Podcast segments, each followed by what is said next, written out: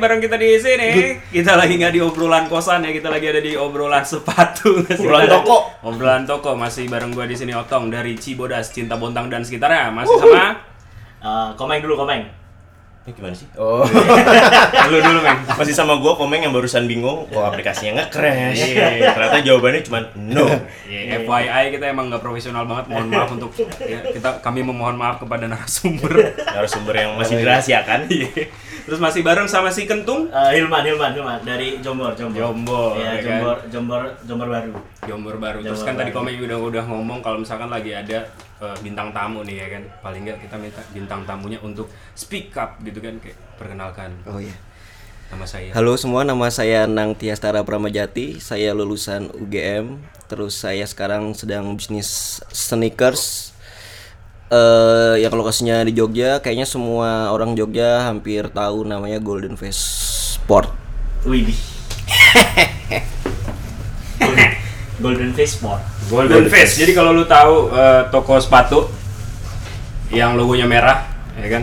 Yang kayak logonya kayak Angry Bird bentuknya tuh. Emang iya? Aku yang mendesain sendiri itu. Oh. Tahun 2013. Mas Golden ya? Zaman-zaman Angry Bird oh, itu Mas Golden. Soalnya, Mas Golden sebutannya. Soalnya dulu kalau pas jualan online itu kan namanya Golden Face. Jadi banyak Mas Golden, Mas Golden. Jadi udah nama kita makanya namanya Mas Golden. Jadi Berarti warung remang-remang Mas Golden. Ah, oke. Kenapa namanya remang-remang? Karena kan kita konsepnya warung. War- Warung itu di mana Oh. Semua yang remang-remang itu pasti bikin orang penasaran. Jadi setiap oh, oke. dulu awal buka toko di ring road di ujung ring road emang tempatnya gelap banget kan. Hmm. Tempatnya gelap banget, habis itu lampunya kuning-kuning gitu. Jadi kan remang dari jauh tuh kayak remang-remang gitu. Itu tahun 2000? Buka toko pertama itu 2014. Oke. Kalau mulai awal main sepatu tuh 2013. Berarti kalau Mas Golden emas-emas nggak sih? Iya, karena saya kan masih muda. Masih sama kayak kalian semua. Kalau bapak-bapak, om-om golden, Angkal Golden iya, angkat Oh, jadi itu eh, filosofi nama Oh, iya. Golden Face. golden face. Golden face itu filosofinya tuh jadi waktu dulu banget itu zaman Mario Teguh itu Golden Wish. Oh. Nah, itu. Jadi awal mulanya nih kan Golden Face. Iya, iya, Kita kan iya. dan yang di sini kan MS Sepatu kayak ganteng-ganteng rata-rata kan. Eh Golden Face kan muka emas, mukanya kayak emas-emas. Oh. Gara-gara sini panggil Mas ya udah jadi namanya Mas Golden. Nah, kirain, Golden. kirain ada feng shui-nya cuy, kan mas-mas gitu kan. Oh nggak ada. Indah Kita- gitu ya, bagus. Kita kan orangnya real- realistis semua kita kan. Jadi nggak ada percaya percaya kayak gitu gitu. Positivis lah ya. Positif. Positivis. Oke. ya, kebetulan. Terus kok kamu milih sepatu kenapa, Nang? Jadi dulu awal mulanya bukan karena suka sepatu. Jadi dulu tuh sepatu aja asal asal asal aku pakai aja. Jadi sama sekali nggak nggak milih-milih dulu tuh. Hmm. Jadi malah dulu awal mulanya bukan jualan sepatu. Jadi awal mulai dulu jualan HP dulu. Jualan HP, habis itu sempat berhasil terus jatuh. Habis itu jual tahun berapa itu? jual HP itu dari semester 2. Oke. Aku dulu semester 1 itu sebelum mulai bisnis jualan, Ah. aku dulu tuh ini eh, pekerja parteman di mana-mana dulu. Aku tuh kerja di di rental CD yang di Jakal. KM berapa tuh ada rental CD di Jakal tuh? Oh, Lupa. iya, iya. Ah, yang di, di sebelah BPJS itu nggak sih dulu? Ah lupa lah. Pokoknya di Wahana, wahana. ah, pokoknya Yang warna biru itu nggak sih? Ah. udah tutup ya sekarang. istana, istana. Ah, pokoknya dulu sempat kerja di rental CD, terus kerja juga dulu di restoran di Jogja Malifat yang di Jakal KM 11 dulu. Udah tutup juga sekarang. Oke. Dulu aku kan skandal sama yang punya dulu. Oh. Sama anak yang punya kan. 80 juta tadi. Iya. Fix ke skandal. Vanessa Angel dong. Nah pokoknya dulu parteman habis itu terakhir itu aku parteman tuh di Mochi Mochi dulu. Yang mochi isi es krim itu loh.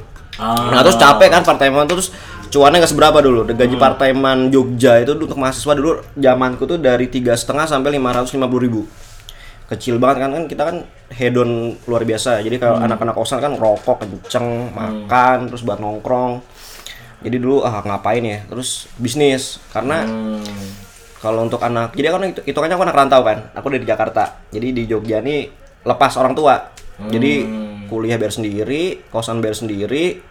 pokoknya ya pokoknya hidup sendiri gitu loh udah lepas dari orang tua jadi gimana caranya tetap biar tetap hidup Biar Bisa hidupnya ya. jadi dulu tuh aku dapat beasiswa dulu di kampus tapi beasiswanya malah tak puterin jadi HP dulu lu dapat beasiswa apa gitu pokoknya ada sisa duit setelah bayar kuliah tuh masih ada sisa uang nih gopek lima ribu aku puterin jualan HP sampai dapat eh 15 juta dulu Nah, habis Bandelnya itu bagus tar dulu, ya. bandelnya bagus. Habis itu eh, bangkrut, bangkrutnya gara-gara aku sendiri. Jadi aku dulu duitnya udah banyak, duitnya udah banyak, terus udah males jualan lagi. Jadi kalau mau bayar kuliah, tuh jual HP kan aku dulu stok banyak tuh. Jadi tak tak apa tuh jadi inve- inventarisku tuh di HP-HP yang ngongkrok di kosan tuh. HP-nya apa, apa nih? iPhone dulu. Oh. Jadi aku jual, jual sa- sampai HP-nya habis, terus tabunganku juga mau habis. Ah. Terus aku juga eh, jualnya action figure. Eh, action figure kayak Gundam-gundam. kayak semacam itulah yang Oke. me- bandai-bandai gitu. Iya. Kayak action figure, action figure kayak Hot Toys gitu, sempat jualan dulu. Itu juga sempat sukses juga. Terus ya itu, jadi aku nggak ada bisnis yang aku jalanin betah gitu loh. Pasti ujung-ujungnya aku malesan. Terus akhirnya cuma ngabisin inventaris terus akhirnya ini lagi eh bangkrut lagi. Nah, terus sepatu ini mulai mulainya ini Dua kali ya gitu. Iya. Kita hitung bangkrut dua kali ya. Soalnya nggak betah. Jatuh bangun itu. Oh iya benar. Tapi saya jatuhnya sendiri, kesandung sendiri, nggak ada yang menjatuhkan sebenarnya. Nah, habis itu mulai jualan sepatu gara-gara dulu eh, abangku, abangku tuh dulu eh, yang artinya mulai, dulu tuh dia jual sepatu futsal. Jadi dia tuh punya link, jadi dia bisa ngambilin barang-barang sepatu futsal itu kayak barang-barang eh, di outlet resmi. Hmm. Jadi eh, dia modelnya dia nge-supply ke toko-toko entah itu di luar kota, di luar Jawa kayak gitu. Nah, tapi dia mau resign nih jualan sepatu karena dia mau mau lulus S2 waktu itu kan. Nah, tapi aku sempat ditawarin mau nggak nih nerusin kayak gitu. Dan itu dulu masih kecil karena dulu jualannya masih buka belum jualan online malah. Jadi malah modelnya kita eh, distributor gitu loh. Hmm. Nah, tapi reseller tuh banyak. Jadi yang ngambil barang kita tuh banyak gitu loh, yang kemudian dijual online. Nah, akhirnya aku masuk belajar sebentar. Terus akhirnya menyimpang tuh yang tadi jualan futsal, sepatu futsal, sepatu bola, soccer gitu. Ke jualan sneaker kasual buat running kayak gitu-gitu. Oh, Oke. Nah, habis itu karena si abangku sendiri dia dulu tuh nggak begitu paham. Jadi yang dia paham tuh cuma sepatu bola. Dia nggak paham sneakers. Nah, habis itu mainlah aku sepatu sneakers. Linknya diperdalam lagi. Jadi yang penting tuh kita punya barang. Entah jualinnya nanti gimana. Jadi aku sama abangku tuh patungan duit, ngambil barang, terus entah itu gimana nanti jualinnya. Intinya kayak gitu.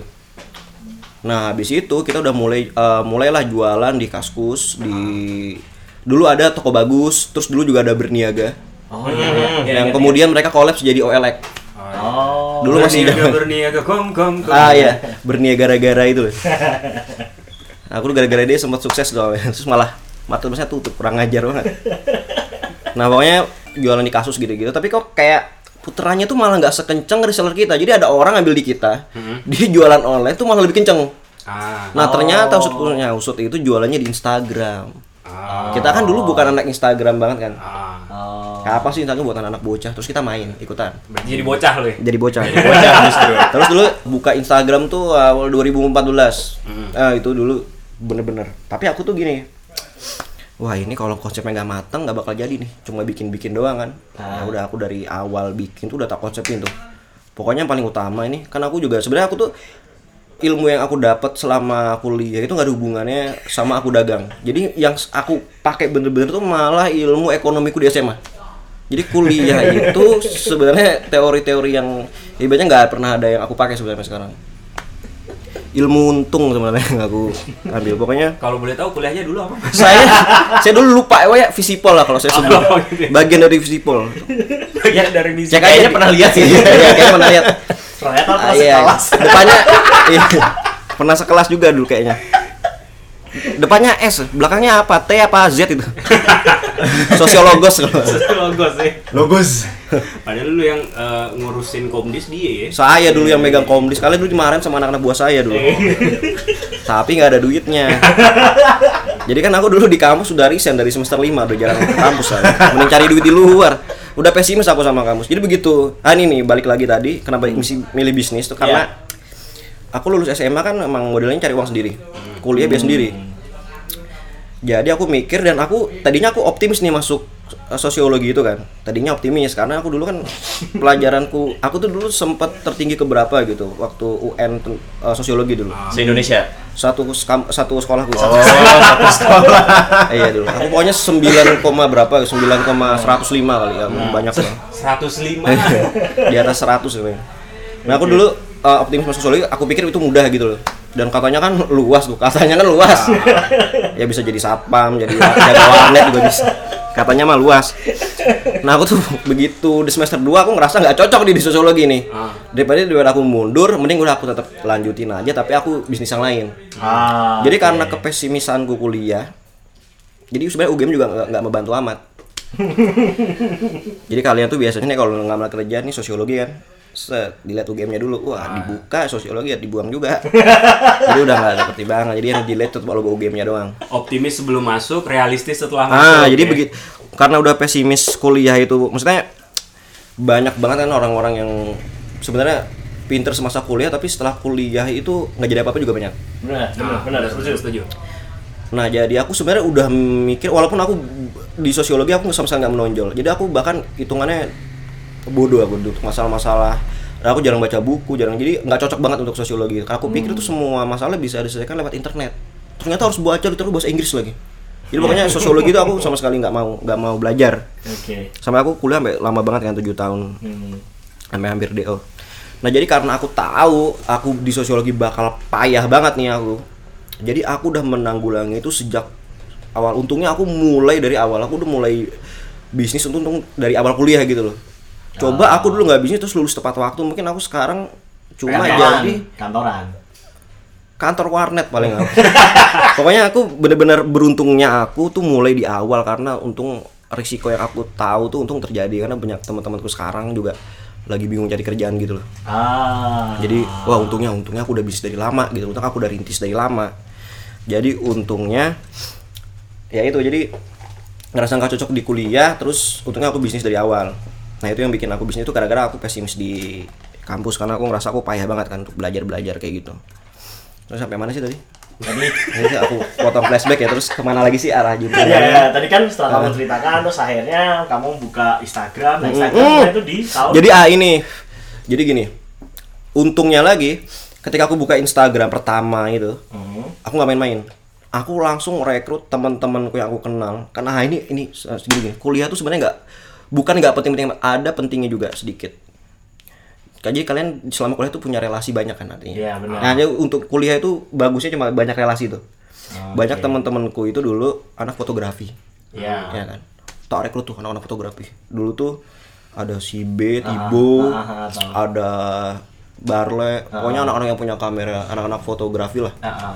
Tak rekrut semua, tak ajak semua buat moto stok sepatu semua. Jadi aku bawa stok sepatuku tuh tak karungin semua. Ya kan? Tak bawa ke kampus terus mereka semua nyebar foto-foto barang. Jadi fotonya itu dari awal buka Instagram emang udah bagus. Oh. Jadi gini, aku, aku mikir gini. Soalnya aku udah punya pengalaman sebelumnya jual HP, jual mainan. Pokoknya apa pun barangnya itu pasti bakal laku asal marketingnya bagus. Iya, benar. Asal apa ya? Display. Asal ah, asal orang tuh ngelihat Campaignnya uh, bagus. campaignnya tuh bagus. Ah, ah. Jadi pokoknya aku tuh setiap aku bisnis apa pun produknya aku terapin cara yang sama. Kayak dulu nih misalnya aku jualan HP second nih, udah lecet-lecet. Ah. Tapi karena ketika aku foto backgroundnya tuh bagus, wah kelihatan rapi banget, laku-laku aja gitu loh, cepet gitu loh lakunya tuh. Oke. Jadi aku terapin di sepatu. Jadi sepatu kan sebenarnya dari segala sudut kan nggak semua sudut kan kelihatan bagus. Jadi aku minta mereka tuh foto dari berbagai sudut yang sepatunya berkelihatan bagus. Hmm. Jadi intinya dari pertama foto emang fotonya udah profesional kayak kalian lihat akun-akun jualan di luar negeri lah. Iya, iya. Padahal itu walaupun aku pas aku upload itu nggak ada yang like sama sekali.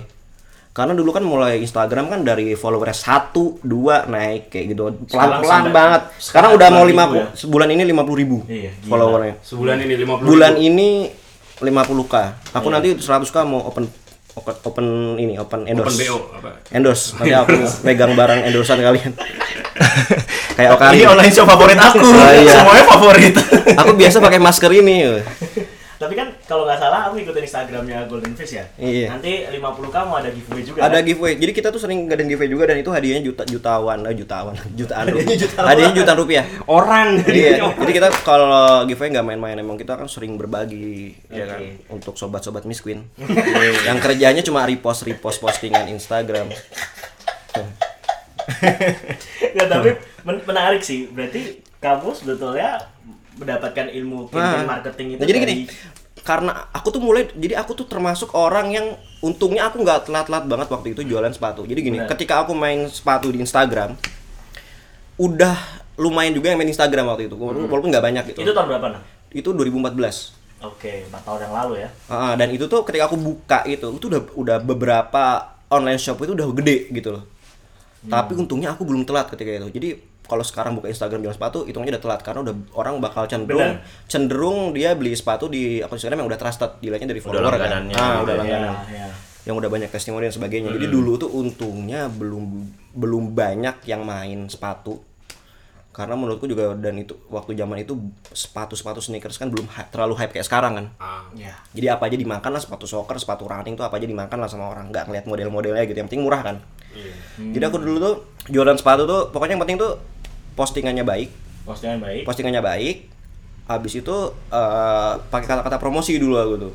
Hmm. Terus sama postingannya tuh bagus dan real pic gitu loh. Jadi emang aku foto sendiri dan bagus. Jadi, jadi emang memperlihatkan bahwa ini emang toko trusted gitu loh.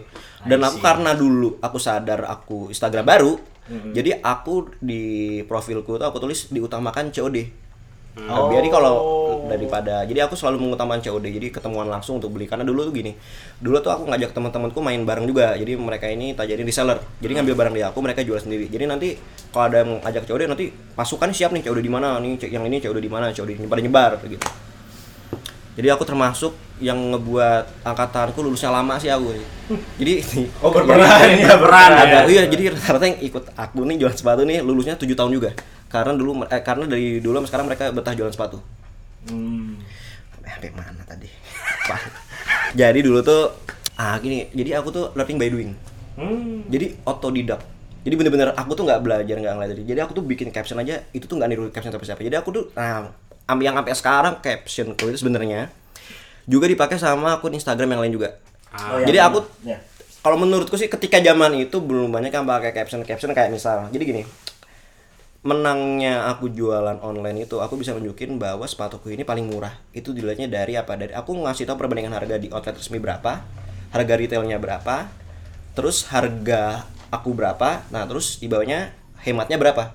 Gitu jadi ibaratnya wah oke. ini retailnya satu setengah wah tapi di toko di online shop ini dia ngejual cuma 500 wah aku hemat sejuta nih. Hmm. kayak gitu gitu nah pokoknya eh, dulu- Copywritingnya bagus Kok, lah. ah, mungkin kata ilmiahnya kayak gitu. Nah terus postingannya bagus dan aku terus walaupun dulu ku- aku foto niat banget kan bener-bener wah itu aja mereka yang foto tuh foto capek-capek sampai tengkurup-tengkurup aku cuma bayar pakai es teh pakai rokok aja cuma sebatang tak bagi-bagiin kan satu-satu jadi mereka itu nggak aku bayar tapi untuk teman-temanku tuh baik itu bagusnya kuliah tuh punya temen yang Punya teman, Teman-teman yang nanglu semua murah. ah iya teman-teman yang murahan Sedarlah kalian ST. jadi itu belum selesai ketika aku upload dulu sempat pesimis. Karena followernya tuh cuma 10, 20, Iya, 30 dan itu tuh aku sampai sampai dulu Instagram pribadi tuh followernya lebih banyak daripada akunku jualan. Oke. Dulu waktu 2013 dulu oh dulu aku terma- kan aku dulu sempat ngelukis-ngelukis di Instagram kan. Dulu followerku udah uh dulu hampir 2000 followerku. Di tahun itu termasuk banyak tuh. Kalau ada cowok yang followernya banyak gitu kan. Aku sampai nge-endorse aku jualanku sendiri jadi aku minta ba- nge-DM teman-temanku "Eh, ini rumah tuh dong aku jualan sepatu nih tolong tolong dipromosiin dong kayak gitu-gitu. Sampai followernya naik. Isinya, isinya walaupun yang nge-follow tuh teman-teman sendiri. Walaupun mereka pun nggak beli sebenarnya. Tapi ketika followernya udah ah itu aku posting tuh dari yang udah niat-niat banget sampai tengkur-tengkur yang nge-like tuh cuma satu. Dan itu tuh aku sendiri. Yang nge-like dua. Yang, nge-like tuh cuma kita-kita aja yang nge-like tuh. Tapi terus jadi nggak aku tetap Nggak pernah berhenti nggak ya? pernah berhenti Oh, terusin aja terus terus sampai postingannya sampai banyak terus sampai followernya 100 200 nah itu udah fol- follower 200 orang tuh udah mulai ada pembelian dari Instagram Oh. satu biji dua biji Cepet juga ya berarti. Ah iya, soalnya apa? Soalnya aku mau sama COD jadi ya dulu tuh emang pembelinya sebenarnya khusus orang Jogja. Karena kan ada orang takut transaksi online, ya kan? Ya, belum- zaman belum- itu. Dan zaman dulu orang itu masih males pakai Rekber Kaskus. Repot kan dulu. Kalau sekarang kan Rekber ada Tokopedia apa. Ah, dulu juga sebenarnya dulu juga sebenarnya ada Tokopedia juga waktu itu, tapi belum terkenal kayak sekarang kan. Nah, pokoknya dulu tuh udah followers 100 200 tuh udah mulai ada pembelian. Nah, habis itu wah jadi wah, udah puas kan. Oh, udah post posting lagi. Pokoknya terus aku ngelakuin itu terus sampai uh, followernya 500 sampai followers nah followers 1000 tuh udah udah pasif tuh, pasif income. Jadi udah setiap hari pasti ada orderan. Setiap hari? Setiap hari pasti ada orderan. Dari yang satu hari itu keluar satu, naik satu hari keluar dua, Hmm. sampai satu hari keluar tiga. Hmm. Jadi terus terusannya kayak gitu. Terus ya pokoknya kalau di Instagram ini kalau aku pribadi pengalaman pribadi, pokoknya setiap naik follower otomatis ya naik penjualan. Oh gitu. Itu udah udah hukum alam Instagram sih kayaknya. Hmm. Dan yang aku ini nih yang aku pahamin dari Instagram tuh sebenarnya kualitas online shop itu bukan dari followersnya malah. Karena karena aku juga mungkin ngeliat dari Instagram lain yang follower jauh lebih banyak daripada aku. Tapi omset per bulannya itu putaran sepatunya nggak sebanyak aku karena dia mungkin waktu bikin Instagram dia eh, paid promo apa dia Oh, ini apa endorse, jasa ya. jasa follower Oh. apa. Nah, follower gue tuh ibaratnya Organik. untuk sekarang itu baru 50 kaan, 50 ribuan. Tapi itu berkualitas karena 50 orang, Orang 50 semua ribu orang itu selain itu real account pun dan itu tuh 50 ribu orang yang emang nyari sepatu. Jadi aku nggak pernah pakai jasa beli follower kayak gitu-gitu. Jadi emang aku tuh bener-bener ini aja eh, natural aja main Instagram tuh. Jadi emang naik sendiri, naik sendiri, naik sendiri. Jadi emang followerku berkualitas. Awal dia emang emang emang itu 50 ribu pasukan orang yang nyari sepatu kalau aku bilang karena setiap kita posting setiap kita update instastory emang mereka langsung serbu emang langsung rame gitu loh Hmm. rebutan kayak gitu loh Berarti bener-bener uh, engagement ya kalau bahasa Nah, Instagram hmm. tuh. Bener-bener jadi emang bener-bener punya keterikatan dengan followersnya Nah, tapi tadi ngomongin tentang Instagram, tentang online shop. Hmm. Kok kamu masih buka offline? ah store? jadi jadi ceritanya gini dan ada dua ya sekarang ya? jadi sekarang aku juga ada dua cabang sih rencana juga kalau rencana sih cuma mau buka cabang di Pulau Jawa jadi mungkin kalau mau nambah-nambah cabang cuma di Pulau Jawa Oke. Nah jadi kenapa buka offline store itu karena gini. Sebenarnya dulu itu main online juga udah lumayan. Oke. Ibaratnya omsetku per bulan itu udah lumayan lah. Dulu tuh aku Berapa nih?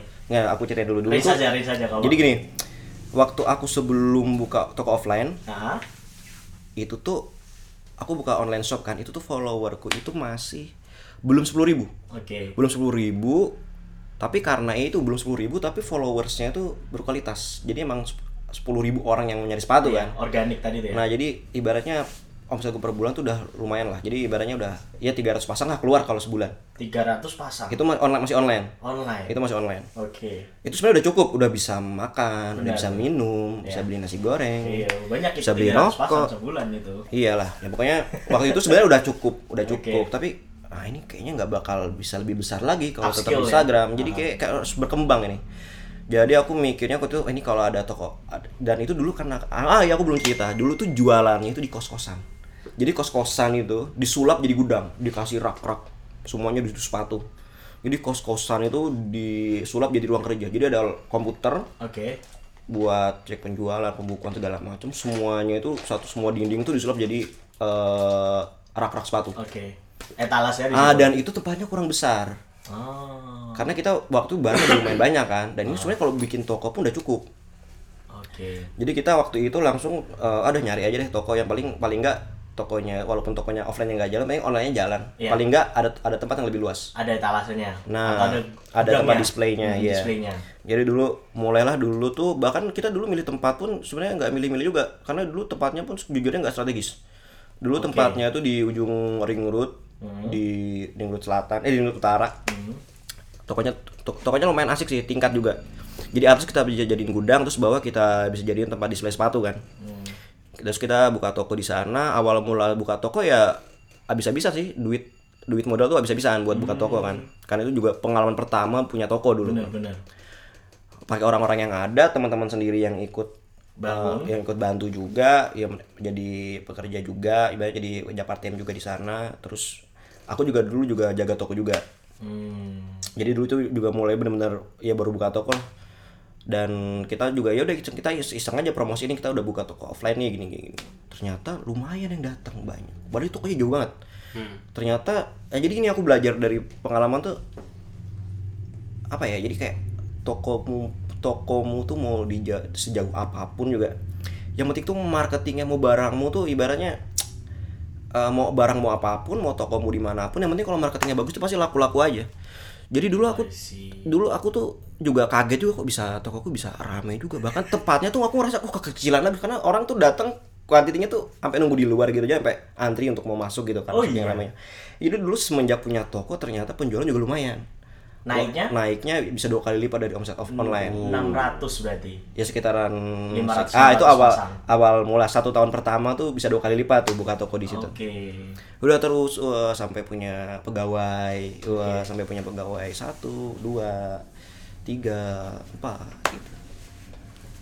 Nah habis itu eh, kita dua tahun buka di sana dan waktu itu omsetnya itu pokoknya udah seribu pasang sepatu lah satu bulan gitu. 1000 pasang sepatu. seribu waktu di sana. Habis itu wah ini tempatnya ini banyak yang ngeluh nih karena kurang besar dan eh, barang kita pun makin banyak juga.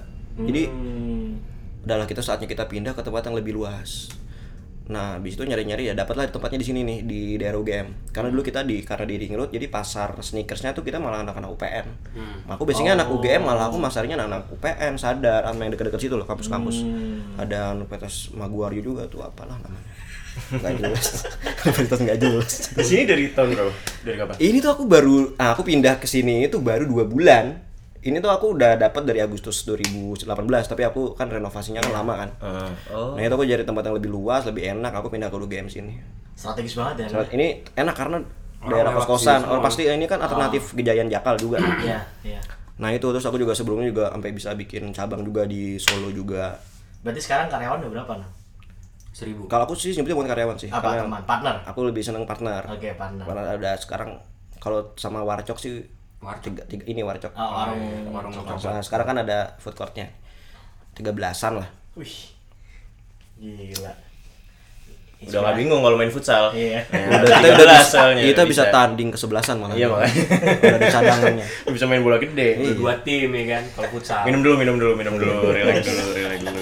Tegang aku. Pokoknya wush flashback Sampai keringetan aku mikir dulu aku ngapain aja. Dulu ngapain aja Seru kan jadi keinget-inget, Iya. jadi kayak, oh Iya. gitu ternyata gue. Nggak kerasa loh udah hampir Aku 28 aku tuh ya. ma aku tuh iya, aku tuh juga dulu nggak kerasa ternyata udah jualan tuh udah selama ini.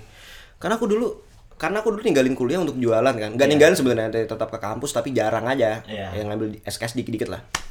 Oh, makanya Ternyata aku juga- sama kita juga ya Nah makanya aku pun nggak kerasa aku udah tujuh tahun kuliah tiba-tiba ada surat DO oh ternyata skripsi lupa aku kerjain kan ya aku kerjain kan skripsi kemarin walaupun itu pakai jasa teman-teman sendiri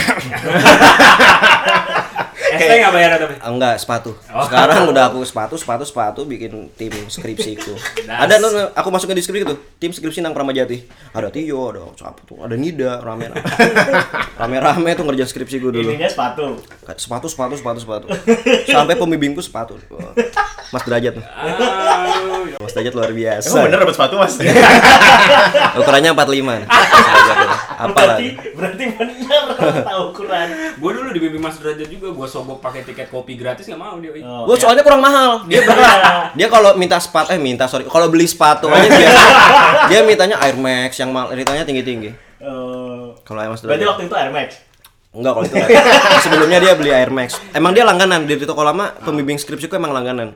Oh. Tapi dia kalau setiap datang pasti aku sengaja nggak ada. tapi kalau dia minta Nmax bingung kan Waduh. kalau itu mungkin besok lah kalau aku S2 ngerjain tesis mungkin.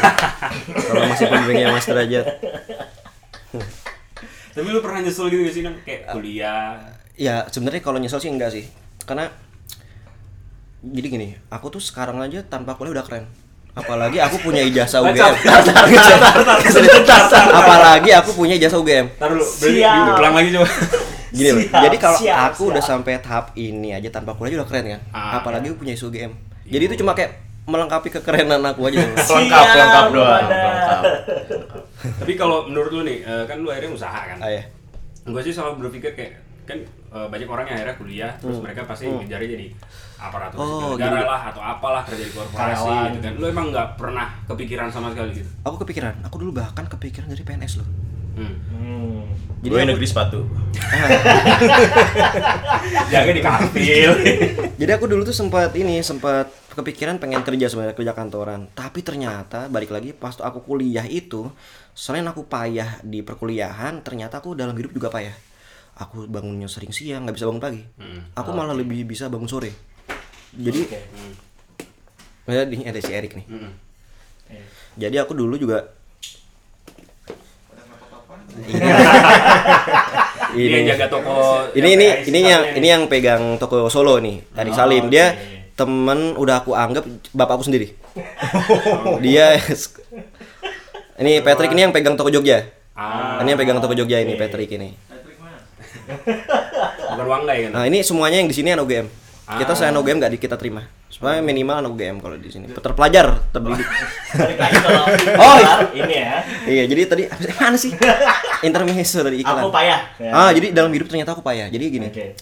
Aku SMA rajin bangun pagi karena dulu kan SMA kan masuk jam 7 jadi sering aku Hmm. aku aku bisa lah kalau bangun pagi ternyata selama kuliah selain aku perkuliahan payah juga aku dalam hidup payah aku malesan keset terus eh, jadi aku sebenarnya udah pesimis aku besok nih mau ke mana nih arahnya nih jadi daripada aku resiko ketika aku paksain nanti resiko mending aku udah aku tanggul lagi jauh-jauh hari kan jadi aku udah sebenarnya aku tuh dalam hidup aku payah tapi sebenarnya aku apa ya setelah aku gelutin hal lain ternyata wah aku pinter di ini nih di hal lain nih Hmm. Jadi untungnya aku waktu itu tuh sempat observasi kemampuanku ternyata aku ini punya kemampuan dagang. Oh. ternyata yang lebih baik aku emang dagang aja sampai sekarang. Nggak tahu sampai kapan emang aku kayaknya bakal dagang terus entah itu apa barangnya. Jadi eh, yang ngebuat aku milih bisnis ya gara-gara emang aku eh, ngerasa aku payah. Jadi kalau kalian payah nggak usah takut eh, coba kalian dagang. Karena dagang itu Apa cuma ya? modal mulut kalian bisa dapat cuan. Hmm. modal badan juga modal badan. Bisa, bisa. iya jadi berarti aku payah tapi keren. nah Eh, Makan dulu nih ntar jadi jelly. iya. Lu harus coba nih ada satu tahu bakso. Tahu bakso dari warcok mas golden. Warcok mas golden harganya sepuluh sepuluh ribu dapatnya banyak. Fix. Enak banget parah tuh Enak banget. Jalan kali orang. Eh, jadi al- aduh alamatnya aku lupa. Sih yang punya toko pokoknya acara Megatru, Megatru. pokoknya kalian Google Map aja golden spasi face spasi sport. Nanti ada di Google Map. Oke. pokoknya ini di seberang McD Jakal ada gang di samping Gading Mas tinggal masuk terus kira-kira 500 meter kiri jalan persis Rumah makan Padang. ah rumah makan Padang itu masuk terus nanti di kiri jalan ada Golden Face Sport. Kelihatan banget nanti tokonya warnanya ada LED LED-nya gitu. Oke, mantap sih. Pokoknya tadi yang udah ya tadi yang kenapa aku milih bisnis ya karena aku dalam perkuliahan payah, terus dalam hidup payah. Jadi kalau kalian ngerasa payah, jangan bunuh diri, coba jualan aja, berdagang. Berdagang itu udah soalnya emang ingat kan dulu waktu zaman dulu Bang Roma tuh pernah bilang. Bu, zaman dulu Islam disebarkan melalui Dagang. jalur perdagangan. Modal bacot orang masuk Islam. Bang Roma bilang apa Berdagang jangan berdagang. Dan Ini enak banget rasanya hype bis. Anjir. Hype bis banget nih bakso nih. ini tolong diedit ya tadi. Bercanda tolong diedit. Emang gini Oh, iya. formatnya. Oh. Bercandaan-bercandaan nggak lucu. Oh, cupu tadi tuh. nggak profesional tuh juga Iya, bercanda bercanda aja buat panik gitu kan. Tapi balik beneran kok. Oh tadi skenario ya tadi ya? Oh ngejar AdSense ini pasti tadi ya? Kirain bener nat- natural banget ya begonya tuh. Iya, kesannya gimmick, kesannya gimmick, tapi ya bodoh emang. Oh iya iya. Lama Ah ini aku mau cerita. Ken oh kenapa aku bisa jualan sneakers? Ya. Jadi gini. sneakers Dulu- yang di ini nggak sih Indomaret itu Oh, itu coklat. Itu Silver Queen. oh Kita patahkan saja gojekan Beng, kayak beng, gitu. beng, Itu beng. beng-beng itu beng-beng. Pulsanya enggak, Mas. rokoknya sekalian mas Iya. koreknya mungkin Jadi tadi jadi, Udah balik balik balik. Jadi ngomongnya sorry jadi tadi itu gimana nih? Lanjut nanti apa besok? terus terus terus. Jadi kenapa dulu bisa punya modal itu gara-garanya jadi dulu tuh punya modal kan dulu kan jual online dikit-dikit kan. Ya. Jadi dulu tuh masukin jadi dulu tuh ada misalnya ada orang dari Kalimantan, dia punya kesebelasan bola terus dia order sepatu jumlahnya 100 pasang, 50 pasang, kita bisa masuk. Walaupun dulu tuh untungnya tuh tipis-tipis, yang penting kuantitinya keluar. Yang penting kuantitinya banyak maksudnya. Oh. Jadi dulu sempat punya lumayan punya modal juga. Jadi Hmm. jujur-jujuran aja dulu tuh awal modal main sepatu itu waktu awal loh ini Awal. itu cuma 5 5 juta Oh, Oke. 5 juta kita puterin sampai 10 juta kita puterin lagi sampai 20 juta Oke. kita pinjam bank set. Oh. langsung kita berani pinjam bank di cross check lah segala gudangnya kita kan. Set. Ah jadi ah ini jadi untuk kalian yang baru mulai jualan itu jangan takut resiko. Karena coba kalau kalian coba jalanin sebenarnya gampang. Kalian nggak punya modal pinjam bank Ya. syaratnya juga tinggal syarat itu sebenarnya juga nggak nggak sulit gitu loh tapi sulit banget sih emang Iya gimana Nggak sih? sulit tapi sulit sulit banget. Nah, Jadi cu- yang repot itu cuma ngurus di awal sebenarnya. Jadi kayak kamu ke RT, ke RW, ke kecamatan, ke kelurahan, terus ke bank, ada surat izin usaha segala dan sebagainya sebagainya. Dan itu cross checknya cuma sekali. Habis itu ketika kalian mau minjem lagi tuh nggak di cross check lagi. Oh. Ya pokoknya nanti kalian googling sendiri lah caranya kalau minjem uang di bank itu gimana. Itu minjemnya Bang Jali apa Bang Toib? Bank pelincit kita pelincit. Eh, iya. Makanya makanya kok bank pelincit ngurusnya repot banget ya. Sampai kelurahan, kecamatan. Gue Bang Kiri Bang, Bang Kiri Bang. Ini kalian ini kampret gojekannya nggak lucu. Emang gitu, emang, Emang kita- oh emang gitu. Gini-gini negara 3000 loh. Kalian ini lulusan sosiologi. ya? Iya kan kita sekelas dulu. Oke, berarti minjem bank. Ya, jadi dulu tuh minjem berani minjem bank dulu tuh dan itu sebenarnya berani nggak berani juga sih sebenarnya karena modal, modal nekat kan. Ah. Nah, ini aku mau cerita juga pengalaman, ada pengalaman gak enaknya juga dulu Apa sempat. Jadi dulu pinjem bank. Jadi dulu kita kan modalnya kan kita ngambil barang eh, jadi kita dapat list. Modalnya kita dapat list nih. Hmm. Dari Jakarta kan, jebret jebret jebret. Nah, kita tag ya. Kita tinggal checklist kita mau ngambil barang apa aja. Hmm. Habis itu kita kirim ke mereka, terus mereka kirim barang ke kita. Hmm. Modelnya kayak gitu. Oh, kita ini barang. tempat buat ngambil barang. Ah, iya. Oke. Nah, habis itu kita pinjam bank, set udah ada ada list masuk, kita cek list ternyata kita ditipu. Ternyata dikirim tuh list bodong. Jadi waktu kita jualan sepatu, kita sempat ketipu juga. Jadi kita dan ketipunya tuh kita tuh kalau dibilang ketipu kita dulu sempat beberapa kali ketipu dan itu nominal juga lumayan. Sampai puluhan juta kita pernah ketipu gitu loh. Dan itu sampai modal, aduh modalnya habis ketipu. Untungnya kita masih punya barang kan. Modal Orang- hype bis. Habis, modalku habis. Habis, habis. Jadi walaupun modal habis tapi tangan tetap high bis. jadi dulu modal sempat high bis. Aku jadi cerita nih jadi pengen nangis loh. Kita sedih loh ini tuh. Iya. Jadi jadi di slip Iya, iya, gojekan. ketipu. Nah jadi dulu tuh sempat ketipu juga dan itu benar-benar bikin drop. Wah aku sampai bener-bener kesel. Jadi bener-bener baru punya uang banyak. Terus waktu zaman itu uh, kayak uang segitu kan kayak banyak banget kan dan kita, dan kita juga mesti nyicil bank lagi kan ditipu orang. Habis itu tapi kita untungnya kita masih punya barang-barang yang di gudang nih walaupun jumlahnya nggak banyak. Udah udah kita udah tutup job. Jadi aku mikirnya aku lupain tuh ditipu itu aku lupain, aku tetap Jualan. eh, tetap jualan terus terus terus sampai modal itu balik lagi. Sempat habis itu ketipu juga. Jadi aku order barang, kan aku cuma jual original. Oh. Begitu datang barangnya fake lagi. Jadi pernah juga jadi aku ngambil barang ori yang datang tuh fake. Wah, aku kan nggak mau kan aku jual. Nah, ini yang penting utama jual Jujur tuh ya? jujur. Jadi walaupun aku hidupku payah, tapi aku tetap nomor satu aku jujur nggak korupsi dan nggak maling, Tet- tetap baik lah. Boleh jadi presiden gak sih? Tetap ganteng, iyalah. Ganteng keren, Ganteng, tapi keren. payah. Tapi jujur. Tapi payah tapi tetap jujur. Tapi jujur. Ya kayak Jokowi lah ya. Ya, yang penting yang penting kan jujur walaupun dia payah. Tapi Jokowi kerja kerja kerja. Kerja kerja, aku kan dukung Jokowi. balik balik Balik lagi. Aduh, sampai Nggak, terus ditipu lagi. Nah, ditipu lagi. Wah, jualan lagi. Pokoknya dulu dulu kan emang kita nih ngambil sepatu ori itu emang emang susah kan. Jadi emang harus punya link yang benar dan yang baik gitu loh. Jadi kayak orang yang awalnya baik ketika mungkin kita transfer uang terus jadi jadi jahat kan juga bisa gitu loh. Bisa. Nah, itu sempat beberapa kali juga dipermainkan orang juga dulu awal-awal 2014 sampai pertengahan tuh sempat beberapa kali ketipu dan itu nominalnya bikin down sih. Bikin kita benar-benar jadi kembali balik dari nol lagi juga. Tapi tetap tak lupain terus jualan-jualan sampai modal balik sampai akhirnya dapat link yang benar dan yang bagus gitu loh. Jadi pokoknya model-modelnya tuh kita dapat link satu dioper ke link ini ntar makin lama makin dalam makin dalam artinya udah ketika makin dalam linknya makin tetap kita dapat barang tuh makin bagus-bagus gitu loh Oh. walaupun untuk sampai ke link dalam? ke dalam ke link itu kita sempat ketipu-tipu orang dan nyari linknya juga kan nggak mudah kan Iya, iya. tinggal googling di internet sebenarnya enggak enggak susah Gue dah. pencet nggak kebuka sih.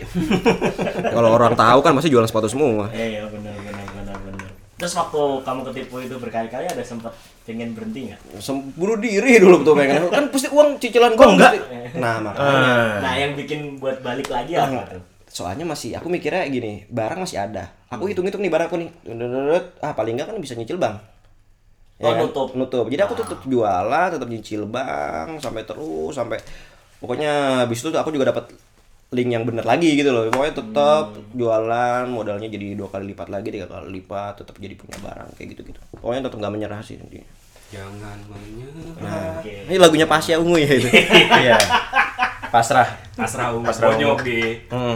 Nah, tapi tadi sempat singgung sedikit tentang uh, barang fake dan original. oh iya Ya kan? jadi kita dari dulu awal nah ini yang bikin kita trusted sampai sekarang hmm, Ya jatuh pecelnya.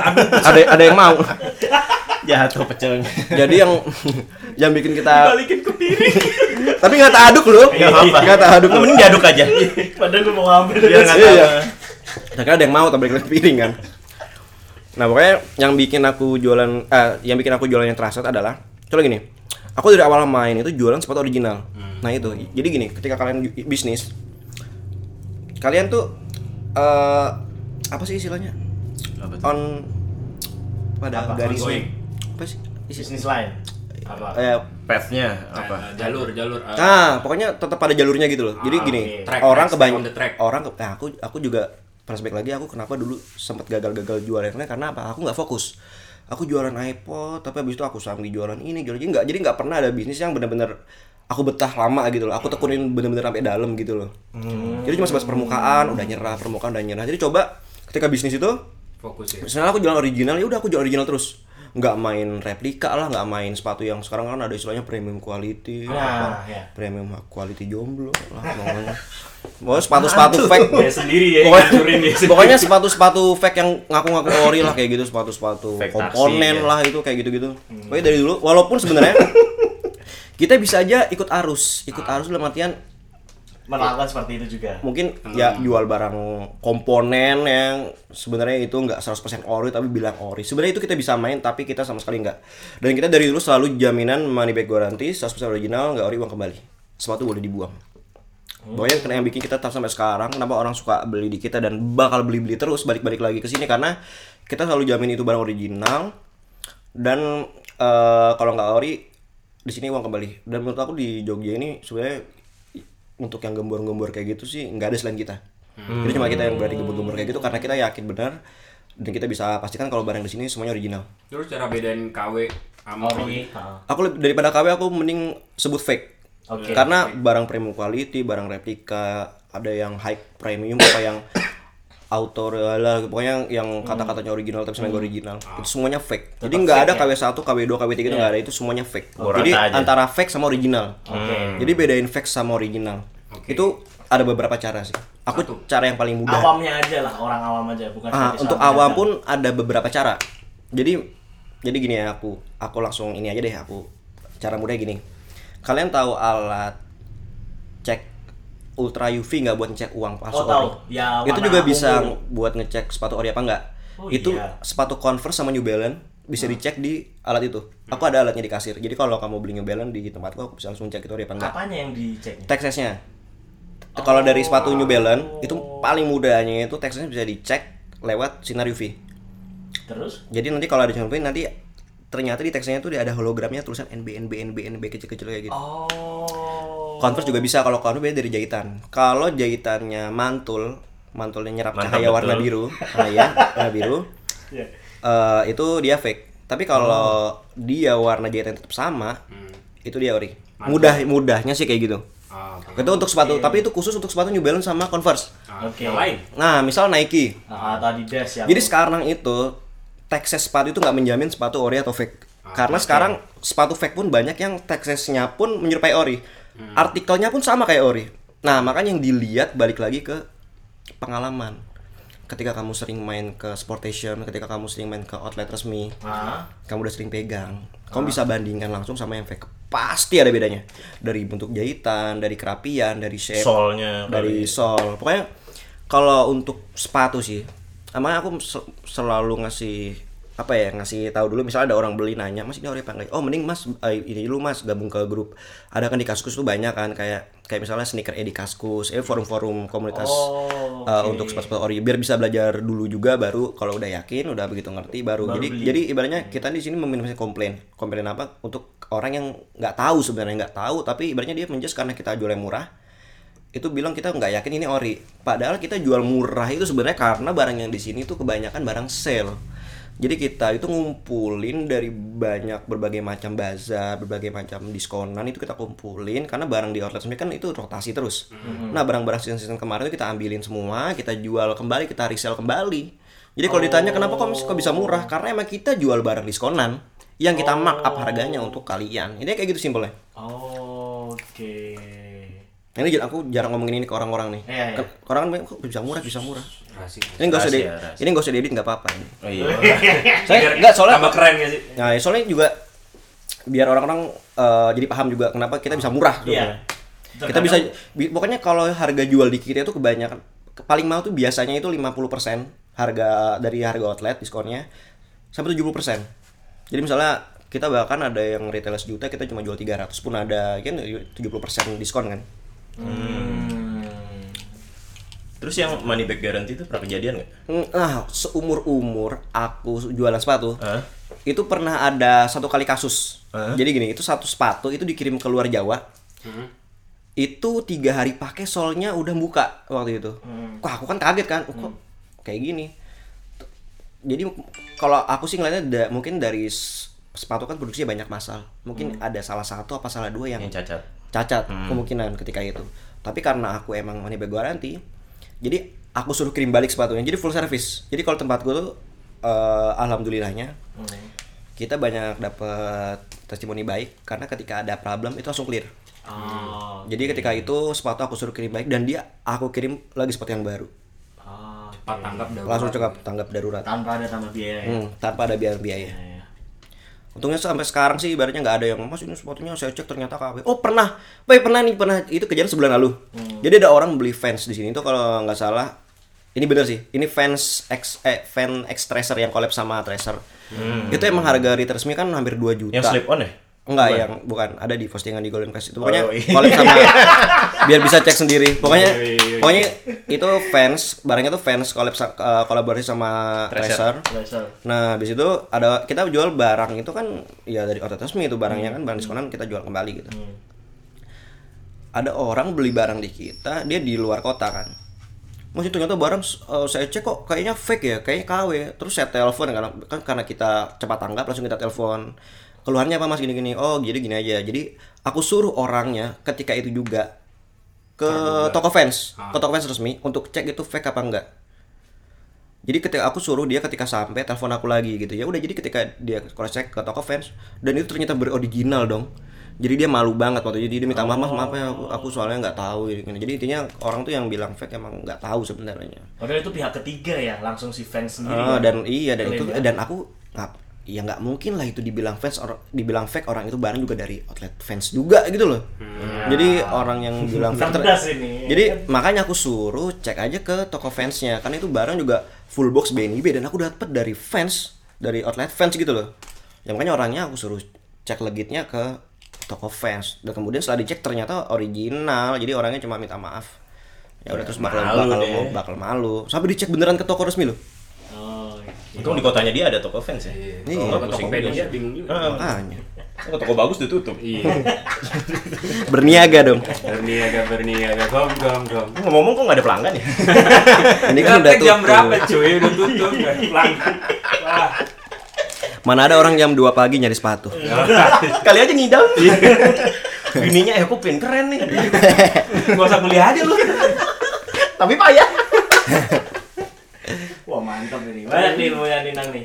Ya kan? Nah, jadi ibaratnya eh alhamdulillah di sini kalau komplain semuanya bisa diatasi dan komplain pun kebanyakan dari nggak ketahu nggak ket- keti- ketidaktahuan juga.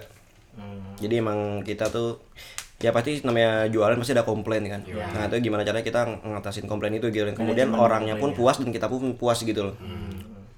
Tapi balik lagi dikit nih, pernah nggak ketipu customer? Ketipu customer sih hmm, Berarti belum pernah dong. sempat mau. Jadi biasa kan banyak juga pembeli Oh, yang pengen lu? Enggak, Oh, enggak. sempat mau hampir-hampir ketipu, sempat hampir ketipu. Jadi dulu zamannya banyak penipu online kan dulu. Jadi kayak dia ngirimin struk palsu. Oh, iya, konten gitu-gitu. Palsu ya kayak gitu juga sempat. Tapi kan kita kan anak UGM jadi cerdas. Oh iya benar. Mungkin yang nipu kampusnya mungkin bukan UGM gitu. seneng sama penjual kayak gini ya kan percaya dirinya tinggi Nah, itu makanya kalau jualan tuh mesti percaya diri. Ya kalau bacot kalian nggak bagus kan barang susah laku juga. Berarti kiat dan pesan pes- pesan-pesan untuk para penjual yang baru merintis gitu. Apa pun itu yang mau Nah aku aku tuh sebenarnya nggak mau menggurui karena ya aku pun juga ngerasa pengalamanku nih ku- kurang banyak juga. Nah, kita merendah dulu untuk meroket kan. Jadi aku keren kok. pokoknya eh, untuk yang baru mulai dagang pokoknya eh, nggak usah takut. Sebenarnya ini ini sih apa? kayak- Semua orang tahu sih ini nggak nggak usah takut ngambil resiko gitu tuh semua orang tahu kan? Tapi kan kamu contohnya. tapi nggak semua orang berani ngambil Iya. kayak diplomatis gitu loh omongannya tuh kayak semua orang tuh tahu kalau jualan tuh ya harus nggak boleh menyerah kayak gitu gitu Ya kan anak sosiologi juga biasa gitu. oh pokoknya gini nih. Eh, pokoknya kalau jualan itu pokoknya fokus. Intinya fokus. Misal kamu jualan beras deh. Ya udah kamu jualan beras aja dulu sampai berasmu gede baru kamu buka sampingan jualan terigu jualan dia SD, SMA. Hmm, bisa seperti Jadi- Malika yang kita besarkan dari kecil. ya kan? itu kecap loh ya pokoknya intinya kalau jualan itu kalau dagang kalau berdagang pokoknya kalian itu apa pun barang dagangannya percaya diri aja jadi apa pun yang kalian jual di mana pun tempat kalian ngejual barang itu itu bakal sukses itu bakal jadi gede kalau kalian eh, Fokus. fokus dan kalian pakai cara marketing yang baik lah. Hmm. jadi ibaratnya kalau jualan sepatu tuh ya ibaratnya foto sendiri dengan baik foto pakai bahasa-bahasa marketing yang baik sampai orang tuh percaya sampai orang tuh mau beli kedua kalinya beli ketiga kalinya keempat kali kayak gitu. Bahkan itu ada langganan yang setiap bahkan sebulan bisa tiga empat kali beli. Jadi dia mungkin sepatunya udah banyak banget. Keluar dia keluarganya keluarga besarnya semuanya anak-anaknya belinya di kita semua gitu loh. Karena emang udah saking sama kita ya. sama kita gitu loh dan tahu kalau kita emang nah itu loh jadi gini ada satu lagi yang menurut aku penting kebanyakan orang jualan itu ngejar untung oke jadi kebanyakan orang tuh nyari untung yang besar. Padahal kalau menurutku ketika kalian nyari untung yang besar, ya kalian jelas bakal kalah sama orang yang jual lebih murah daripada kalian gitu loh. Jadi kalau sebisa mungkin eh, kalau jual tuh jangan nyari untung. Yang penting toko kalian itu tetap muter gitu loh. Jadi barang kalian tetap muter terus. Jadi kalau prinsip sampai sekarang yang aku pegang dan ca ini cara jualan aku pakai. Aku tuh ngambil untung nggak banyak. Tapi yang aku paling penting tuh barang tiap bulan itu muter terus dan kuantiti keluar barang tuh lebih banyak terus gitu loh. Jadi aku tuh lebih mentingin kuantiti barangku keluar daripada untung per, per piece yang aku dapat, per piece yang aku dapat. Jadi misal kalian eh, mentingin untung satu bulan kalian cuma laku mungkin 50 pasang. Ya kasarannya kalau satu sepatu untung 100 ribu ya kalian cuma untung Ah, berapa? sekitar 5 juta 5 juta satu bulan. Karena kalian cuma bisa jual 30 pasang. Hmm. Nah kalau 50 pasang tadi Kalian 50 pasang. Jadi lebih mending kalian bisa jual eh, dengan untung Oh, 100 pasang 50.000 ribu. Hmm. Enggak tadi kan eh, analoginya kalau kamu ikut malah ngomong, iya kita matematika kok goblok. Lu nggak pernah belajar statistik Eh, kan udah 50 ah, gini, gini. Ah, Ya aku bilang kalau ngejar kenapa kalian jangan ngejar untung. Misalnya kayak gini. Misal satu sepatu itu kalian untungnya 100.000 ribu. Mm-mm. Kalian sebulan tuh cuma mampu ngeluarin 50 pasang. 50 pasang Jadi kalian satu bulan cuma dapat 5 juta. ya Tapi kalau kalian ngejar kuantiti barang, ya satu ya kalian itu untungnya sepatu jangan 50 ri- jangan 100 ribu lah, coba kalian untung 50 ribu aja. 50.000. Tapi satu bulan kalian bisa ngeluarin 1000 pasang. Hmm. ya Karena orang lebih cenderung hari ke kalian karena kalian lebih murah kan. kali banyak berarti. Ya coba jadi 1000 dikali 50 ribu. 50 juta daripada kalian untung 5 juta mending untung 50 juta. Jadi lebih mending aku lebih mending mentingin kuantiti daripada eh, keuntungan per piece yang aku dapat besar gitu loh. Jadi aku mending untung tipis tapi kuantiti barangku keluar banyak. Dan itu aku pakai sampai sekarang. Sampai aku punya eh, dua cabang dan aku toko aku makin besar kan gara-gara itu sebenarnya. berarti nggak gengsi ya yang Eh, ya walaupun sebenarnya itu analoginya walaupun nggak 100% akurat karena aku pun sebenarnya nggak semua aku untungin tipis itu juga karena aku udah trusted jadi ibaratnya aku mampu lebih untung lebih dari itu juga gitu. Tapi ketika awal kamu bangun seperti Nah, jadi untuk awal tuh aku selalu ngejar kuantiti kayak misal ada orang itu sampai nyari sepatu orang Kalimantan sampai nyari sepatu di Jogja karena dia mau pesen 200 pasang sepatu. Nah, 200 pasang tuh kita kan mesti nggak ngejar untung per piece-nya kan. Kita pasti ngejual untung per kuantiti 200 pasang itu. Jadi nggak apa-apa kita untungin 10 20 ribu, 30 ribu, tapi dia udahnya kan 200 pasang. Jadi cuma untuk lewatan doang tapi udah lumayan nih cuannya kayak gitu. Nggak cuma Dan orang bakal ngambil lagi ke kita karena dia tahu Link kita ya. paling murah. dapat link juga. Mantap ini Jadi kebanyakan orang itu selalu ngejar, oh ini jual ini nanti untungnya berapa ya? Itu salah, mending lu jual itu yang barang yang lu bisa tetap jualan konsisten kayak gitu loh. Terus kalau pesan lu buat orang-orang yang kuliah, Hmm. terus yang nggak keren, akhirnya jadi PNS atau kerja di korporasi gitu. aku sebenarnya nggak nggak ngandir sama singkat teman-temanku yang sekarang kerja di korporasi sih jadi emang jadi gini semua orang tuh punya bakatnya masing-masing ada temanku yang emang dia itu emang cenderung bisa bangun pagi terus dia emang orangnya giat getol. Dia sekarang juga kerja di di korporat juga kerjanya juga dia baik dan sukses gitu loh. Gajinya pun udah gede kayak gitu. Jadi eh, sementara aku bukan tipe orang yang kayak gitu aku kebalikannya jadi makanya aku lebih milih bisnis di luar korporat kan. Nah jadi emang menurut aku nggak masalah kalian mau di mana pun asal ya itu kalian tekunin aja. Ketika kalian milih di bisnis ya udah kalian jangan setengah-setengah gitu loh. Ya udah Something kalian nothing. nah walaupun sebenarnya kalau untuk mahasiswa yang bisnis kalau menurutku emang namanya bisnis kalau mau kalian besar tuh emang nggak bisa di nggak bisa disambi jadi nggak bisa jadi sampingan jadi kalau jadi kebanyakan orang bisnis tuh jadi sampingan Benar. ya udah kalian cuma dapat uang sampingan Nggak total ya. Akan segitu-segitu aja. Nah, ya. makanya kalau aku dulu, dulu walaupun itu sebenarnya resikonya besar, aku lebih cenderung milih jual daripada kuliah. Jadi aku emang sengaja malah aku, aku emang terencana kuliah segitu lama karena aku emang emang aku bisnisnya pun terencana gitu loh. Aku pengen kayak gini, aku pengen tahun depan bikin toko segala macam. Jadi emang ini emang emang aku waktu kuliah memilih untuk berdagang. Jadi nggak setengah-tengah gitu loh. Jadi emang seluruh kuliahnya badanku, iya seluruh badanku aku aku Kasih abdikan ke jualan sneakers kayak gini. Mantap sih. Ya jadi emang kalian ya tahu resikonya. Jadi kali ketika kalian lebih milih bisnis ya artinya ada hal-hal lain yang harus kalian korbankan kayak Benar. gitu. Jadi kalau kalian milih emang mau kuliah ya udah kalian kuliah aja yang kemudian kalian bakal kerja di korporat atau kerja di hal lain atau kalian buka usaha apa gitu. Yang bisa yang bisa memanfaatkan ilmu yang kalian dapat semasa kuliah. Siap, siap. Tapi kalau khusus untuk anak-anak sosiologi di luar sana ya kalian harus pesimis karena di luar sana ya orang jarang mau nerima kita kan. Nah, Ya gara-gara pesan khusus lah. Nah, gara-gara CSR-nya PSDK itu loh yang bikin kita jadi susah masuk. Oh iya Nah, benar. bener kan? Jadi orang cenderung nyari CSR-nya. Lebih baik jangan lebih jauh. Bahaya. Kita kok terlalu realistis kadang kalau ngomong tuh terlalu gamblang. Itu nggak masuk TV nih omongan ini. Tapi kalau dari dulu sepatu itu passion lu bukan? Enggak, enggak sama sekali. Aku tuh bahkan dulu bego, bego banget bodo amat. Aku tuh aja pernah dulu COD-an sama orang sama anak SMA. Aku udah kuliah nih COD-an sama SMA beli sepatu bekas di eh, toko bagus. Di toko bagus dulu aku beli sepatu 50 ribu udah, udah sepatunya KW second lagi aku dulu beli Jadi bener-bener nggak peduli banget sama sepatu dulu Berarti dia tipikal orang yang kuliah. Nah jadi gini orang tuh kiranya aku dulu suka sama sneakers makanya aku jualan sneakers padahal dulu aku tuh nggak sama sekali bukannya nggak suka emang nggak mentingin sneakers gitu loh yang aku suka tuh dulu tuh Dagang. cuannya jadi emang duitnya aja yang aku suka jadi intinya kalau di suka? sekarang pun aku juga sebenarnya kalau dibilang pencinta sepatu juga enggak aku suka bisnis kalau aku nggak suka bukannya nggak suka sneaker aku lebih suka bisnisnya suka cara dagang suka cara dagangnya gitu Kayaknya gue tahu nih dia dagang adalah hobi. ya. kayaknya dagang itu adalah aku Yo. dagang adalah kita Nang 2019. Yoi. Ini sesungguhnya keluar di kode Iya. dagang adalah aku. Ada lah dikit. makanya Iya teori-teorinya ya.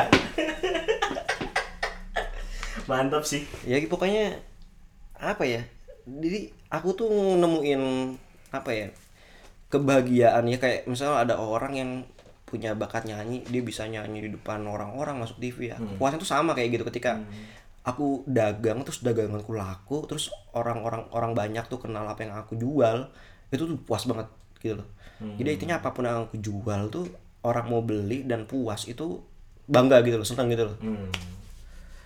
Siap, siap. intinya gitu Ke depan apa gimana? Gimana gimana? Ke depan mau gimana? 2019 ini. Goals lu 2019. Kalau 2000 jadi gini aku tuh sebenarnya eh, selalu punya rencana di awal tahun Ya. Untuk apa yang aku lakukan di tahun ini gitu. Hmm. Nah ini aku aku mau kasih pesan lupa nih. Jadi gini, walaupun aku hidupnya kurang ter, hidup sehari-hariku nggak tertata, tapi aku setiap tahun tuh aku selalu punya apa sih istilahnya? Eh, goals apa resolusi? Ah, selalu punya resolusi. Jadi aku selalu catat tuh.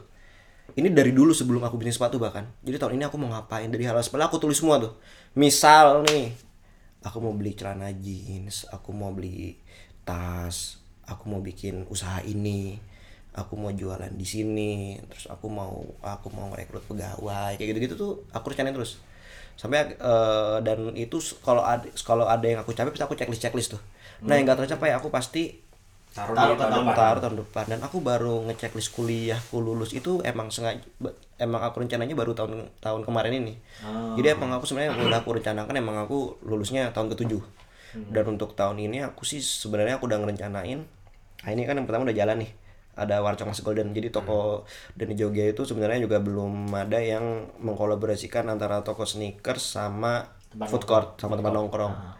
dan ternyata setelah disatukan pun nggak buruk dan cocok-cocok aja gitu loh dan rame gitu loh. Yang penting yang penting kita jualnya murah enak free wifi tempatnya enak nyaman. Makanya di sini juga fasilitas, fasilitasnya lumayan lengkap kan. Yang penting ada ada TV kalian bisa nonton ada PS-nya kalian bisa main ada free wifi juga kalian bisa youtubean terus harga makanan minum pun terjangkau untuk kalangan mahasiswa karena kita mangsa pasarnya pun tepat sasaran juga itu yang makanya ini salah satu yang bikin toko sneakers kita juga jadi lumayan progresif sih aku bilang setiap tahunnya karena segmen pasar kita di awal tuh jelas. Jadi emang kita itu emang konsep konsep dagangnya di sini tuh emang eh, kita mau nyiptain tempat dagang yang di mana semua orang, semua kalangan, semua segmen itu mau masuk gitu loh. Jadi nggak bukan toko yang bagus, toko yang eksklusif yang ketika orang lewat, aduh takut mahal nih, aduh mau masuk tapi ya takut masuk nanti dimahalin.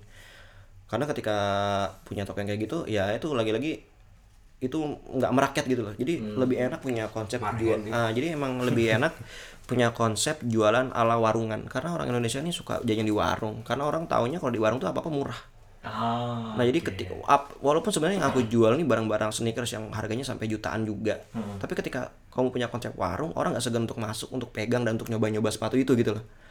Jadi semua kalangan jadi jadi ada orang yang jualan sepatu juga misal nah dia cuma punya segmen pasar khusus fans apa khusus Adidas aja.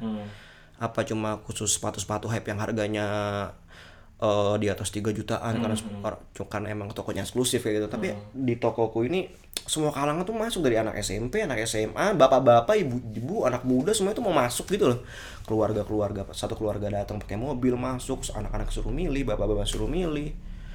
Pokoknya ini yang aku, bilang kenapa toko aku progresif setelah aku eh dalamin ternyata emang konsep yang aku bawa dari awal aku jualan emang tepat gitu loh. I Jadi itu yang kali ketika kalian jualan itu kalian harus merencanakan hal kayak gitu itu kayak penting banget gitu loh. Jadi dan segmentasi itu penting banget menurutku. Dan untungnya aku dulu nggak tetap jualan futsal terus ketika aku sampai sekarang tetap jualan sepatu futsal ya otomatis yang beli cuma anak-anak yang suka main futsal doang dan aku nggak nggak mungkin mencapai target pasar untuk kalangan ibu-ibu bapak-bapak dong jadi makanya aku sekarang ya aku tuh jual sepatu apa pun sepatu branded mulai Adidas Nike New Balance dan lain-lain yang semua orang itu bisa pakai dan untuk untuk stok alhamdulillahnya aku di Jogja termasuk yang punya size lumayan lengkap gitu loh dan varianku juga eh, yang aku tahu lumayan variatif variatif dan lumayan cukup banyak juga dibandingin pedagang lain juga gitu loh.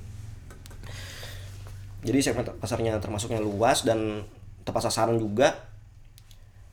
Dan konsepnya pun segede apa pun toko aku pengen eh, tetap konsepnya tetap warungan. Mantap. Mungkin mau promosi dikit, mau cerita tahun ini ada Oh produk tuh apa? iya. Ah. Tadi lupa ya aku mau ini mau bikin resolusinya apa tuh aku lu sebutin. Lewat. Sukanya ini nggak fokus ini. Nggak apa-apa. Cerita menarik Ah, soal iya. inspirasi. Nah jadi resolusi tahun ini itu mau bikin usaha laundry sepatu. Wow. Jadi ke- kemungkinan lain juga mau buka JNE atau JNT lah. Pokoknya jasa pengiriman karena kita juga kan biar gampang kita kan juga jual banyak online juga kan. Biar langsung kita bisa transfer ke JNE-nya terus langsung dikirim. Jadi paling kita mau Lu bisa ngecek di sini ya Ah, ya, jadi jadi saya paling yang untuk waktu deket sih paling mau buka jasa laundry sepatu, mau bikin kios lagi juga, mau bikin warung juga. Terus nah kalau buka cabang masih tahun depan sih. Ini tahun ini fokus karena ini aku baru pindah toko juga jadi pengennya mau ngoptimalin di sini juga. JNE sama laundry-nya akan di sini. Kalau ya kalau bisa sih deket sama sini sih. Kalau laundry udah pasti gabung, walaupun kayaknya bikin bangunan baru lagi. Oke. Mantap, mantap. itu dia cerita dari salah satu alumni yang kebetulan dulu sempat jadi kakak tingkat kita juga yang hampir ya, ya pernah sekelas juga sih sebenarnya Iya aku kali tuh bahkan aku tuh pernah satu kelas sama 2015 loh. Pokoknya teman-temanku tuh dulu ngambil 25 sekelas aku cuma ngambil 12, 14. Emang aku irit sekarang kan kuliah mahal kan bayarnya kan. Iya. Ini kan biar murah juga. Itu Tapi juga. dia jadi lebih mengerikan. Lebih keren. lebih keren? Nah, un- mungkin kalian dulu salahnya kalian kuliah sih coba kalian dagang coba kalian tuh ngapain sih di kampus coba kalian tuh keluar dari kampus ke mana belusuan belusuan nah ini soalnya rata-rata orang orang yang ju- ikut jual yang jualan sepatu juga di Jogja itu kebanyakan tuh kebanyakan tuh mereka tuh tangan ketiga karena mereka itu malu gitu loh ke Jakarta terus ngomong nego-nego harga Oh, ada langsung. gitunya. ada jadi ketika lu mau dapat link yang kayak gini tuh eh, jadi ketika lu mau dapat link yang kayak gini tuh ya lu harus ke Jakarta busuan ya ibaratnya harus berani gontok-gontokan miso-misonya juga jangan miso asu-asu di sana nggak takut orang miso asu anjing. Nah, pokoknya di sana keras banget lah kalau mau nyari-nyari barang kayak gini. Jadi mereka di orang-orang juga kebanyakan nah udah aku terima jadi tangan ketiga keempat lah. Jadi misal misal nih maksud aku tangan ketiga keempat tuh jadi gini mereka mungkin ngambilan dasar barang tuh mungkin 400 ribu. Jual 600 ribu. Tapi aku bisa jual barang yang sama seharga 400 ribu karena aku ambilnya lebih murah. Lebih dalam lagi karena aku berani belusukan karena aku berani lebih dalam lagi ngorek-ngoreknya dan lebih luas pasar aku di sana juga. Merajalela. iya karena mereka tuh malu medok nggak berani takut ditipu aku lu pernah ketipu ngapain aku takut lagi Tipu lah ya. Oke. Oh, tapi tapi terakhir tadi tadi, dua menit tiga Siap, menit siap, siap, gampang. itu buat kalian aja deh Oke. Tutup siapa yang mau tutup? Oke lah, dari yang buka juga. Makasih banget tapi. oh iya Terima kasih buat Lang. Semoga sukses untuk para anak-anak kuliah yang berencana untuk lebih memilih berdagang daripada kuliah. Itu semoga sukses. Intinya eh eh, berdaganglah dengan jujur, dengan baik, dengan cara yang baik. Pasti aku jamin itu pasti jadi tuh. Yo, Mantap. Ya. Kali gue nutup pakai satu quotes gitu kali ya. Apa tuh? Ya, hidup adalah sebuah pilihan ya nggak sih. Oh, iya benar. setiap pilihan itu ada se- tidak akan pernah selalu ada jawaban benar ya kan. Tapi itu adalah hidupmu, itu pilihanmu dan itu tanggung jawabmu. Ih keren loh, garis kertasnya loh dia ter- dari mana ya? Ya kan sosiologi. Yo, Pinter bacot, iya. Itu sosiologinya. lagi di situ. Bener sosiologi punya pinter Oke, terima kasih buat kalian yang dengerin, pendengar yang setia ataupun yang tidak setia, tapi Jangan lupa juga kunjungin Golden Face Store mantap. yang ada di mana nih? Ini lokasinya, ntar aku cek dulu ya. Megatro, Ini Megatro. Jalan ah, Jalan Ini pokoknya lokasi aja. lokasinya itu udah ada di profil Instagram Golden Fest titik store. Jadi Kalau nggak ancar-ancarnya depannya McD Jakal kan ada gang tuh. alamatnya ada di Jalan Kaliurang KM 5 Gang Megatro nomor D16 Catur Tunggal Sleman Yogyakarta. Itu dari Jogja. Nah, untuk yang di Solo itu lokasinya ada di belakang KFC Manahan Solo. Oh. Lupa nama alamatnya. Itu yang soalnya yang megang teman gue itu. Di Google Map ada ya? Google Map ada semua. Ada, mantap. Di sini Dan sepatu. jangan lupa kunjungi dan follow Instagramnya Golden Fest titik store dan Golden Fest titik Solo. Siap, dengerin tuh. Banyak giveaway, Instagramnya. Banyak giveaway Sering giveaway juga. Sering giveaway, sepatunya lengkap. Tokonya asik, keren. Ada dingdong. Ada dingdong, nggak tahu nyala apa nggak nyala sih Nyala, kayaknya. nyala, dindongnya nyala tapi belum buat umum karena belum ada koinnya. koinnya lagi dipesan, ternyata koinnya harus pakai koin dari Jepang. Oke, kita tutup. Terima kasih teman-teman yang sudah mendengarkan. Jangan lupa juga eh, follow ataupun follow dari Golden Face Store, terus juga follow juga obrolan besar, share eh, segala bentuk itu biar ya bantu-bantu kita lah dikit ya. Oh iya. Ada putaran juga nanti. Iya. Nanti kita ada giveaway ya, pulsa dulu. Oke, terima kasih teman-teman. kita, kita tutup beneran kali ini. Terima kasih udah dengerin. Jangan lupa di eh, Follow semuanya lah. follow semuanya lah pokoknya kan. Follow Instagram pribadiku ada dua. Nang pertama Nang Pramajati, terus yang mbak itu yang lama. Tapi di follow nggak apa-apa. Yang baru itu Nang underscore Pramajati. Oke, itu di follow juga yang ownernya si Golden Face Store gitu kan si Mas Golden Iya, ini. iya, Terus eh, jangan lupa kalau misalkan kamu lagi dengerin di mana pun itu kamu berada, tolong ya mungkin di, Ya di screenshot lah. di screenshot ya Ya kan. Sama doain aku tahun depan nikah ya oke. Amin ya Allah. Terus eh, eh, sampai ketemu di episode selanjutnya. Terima kasih. Dadah. Dah, bye. Bye.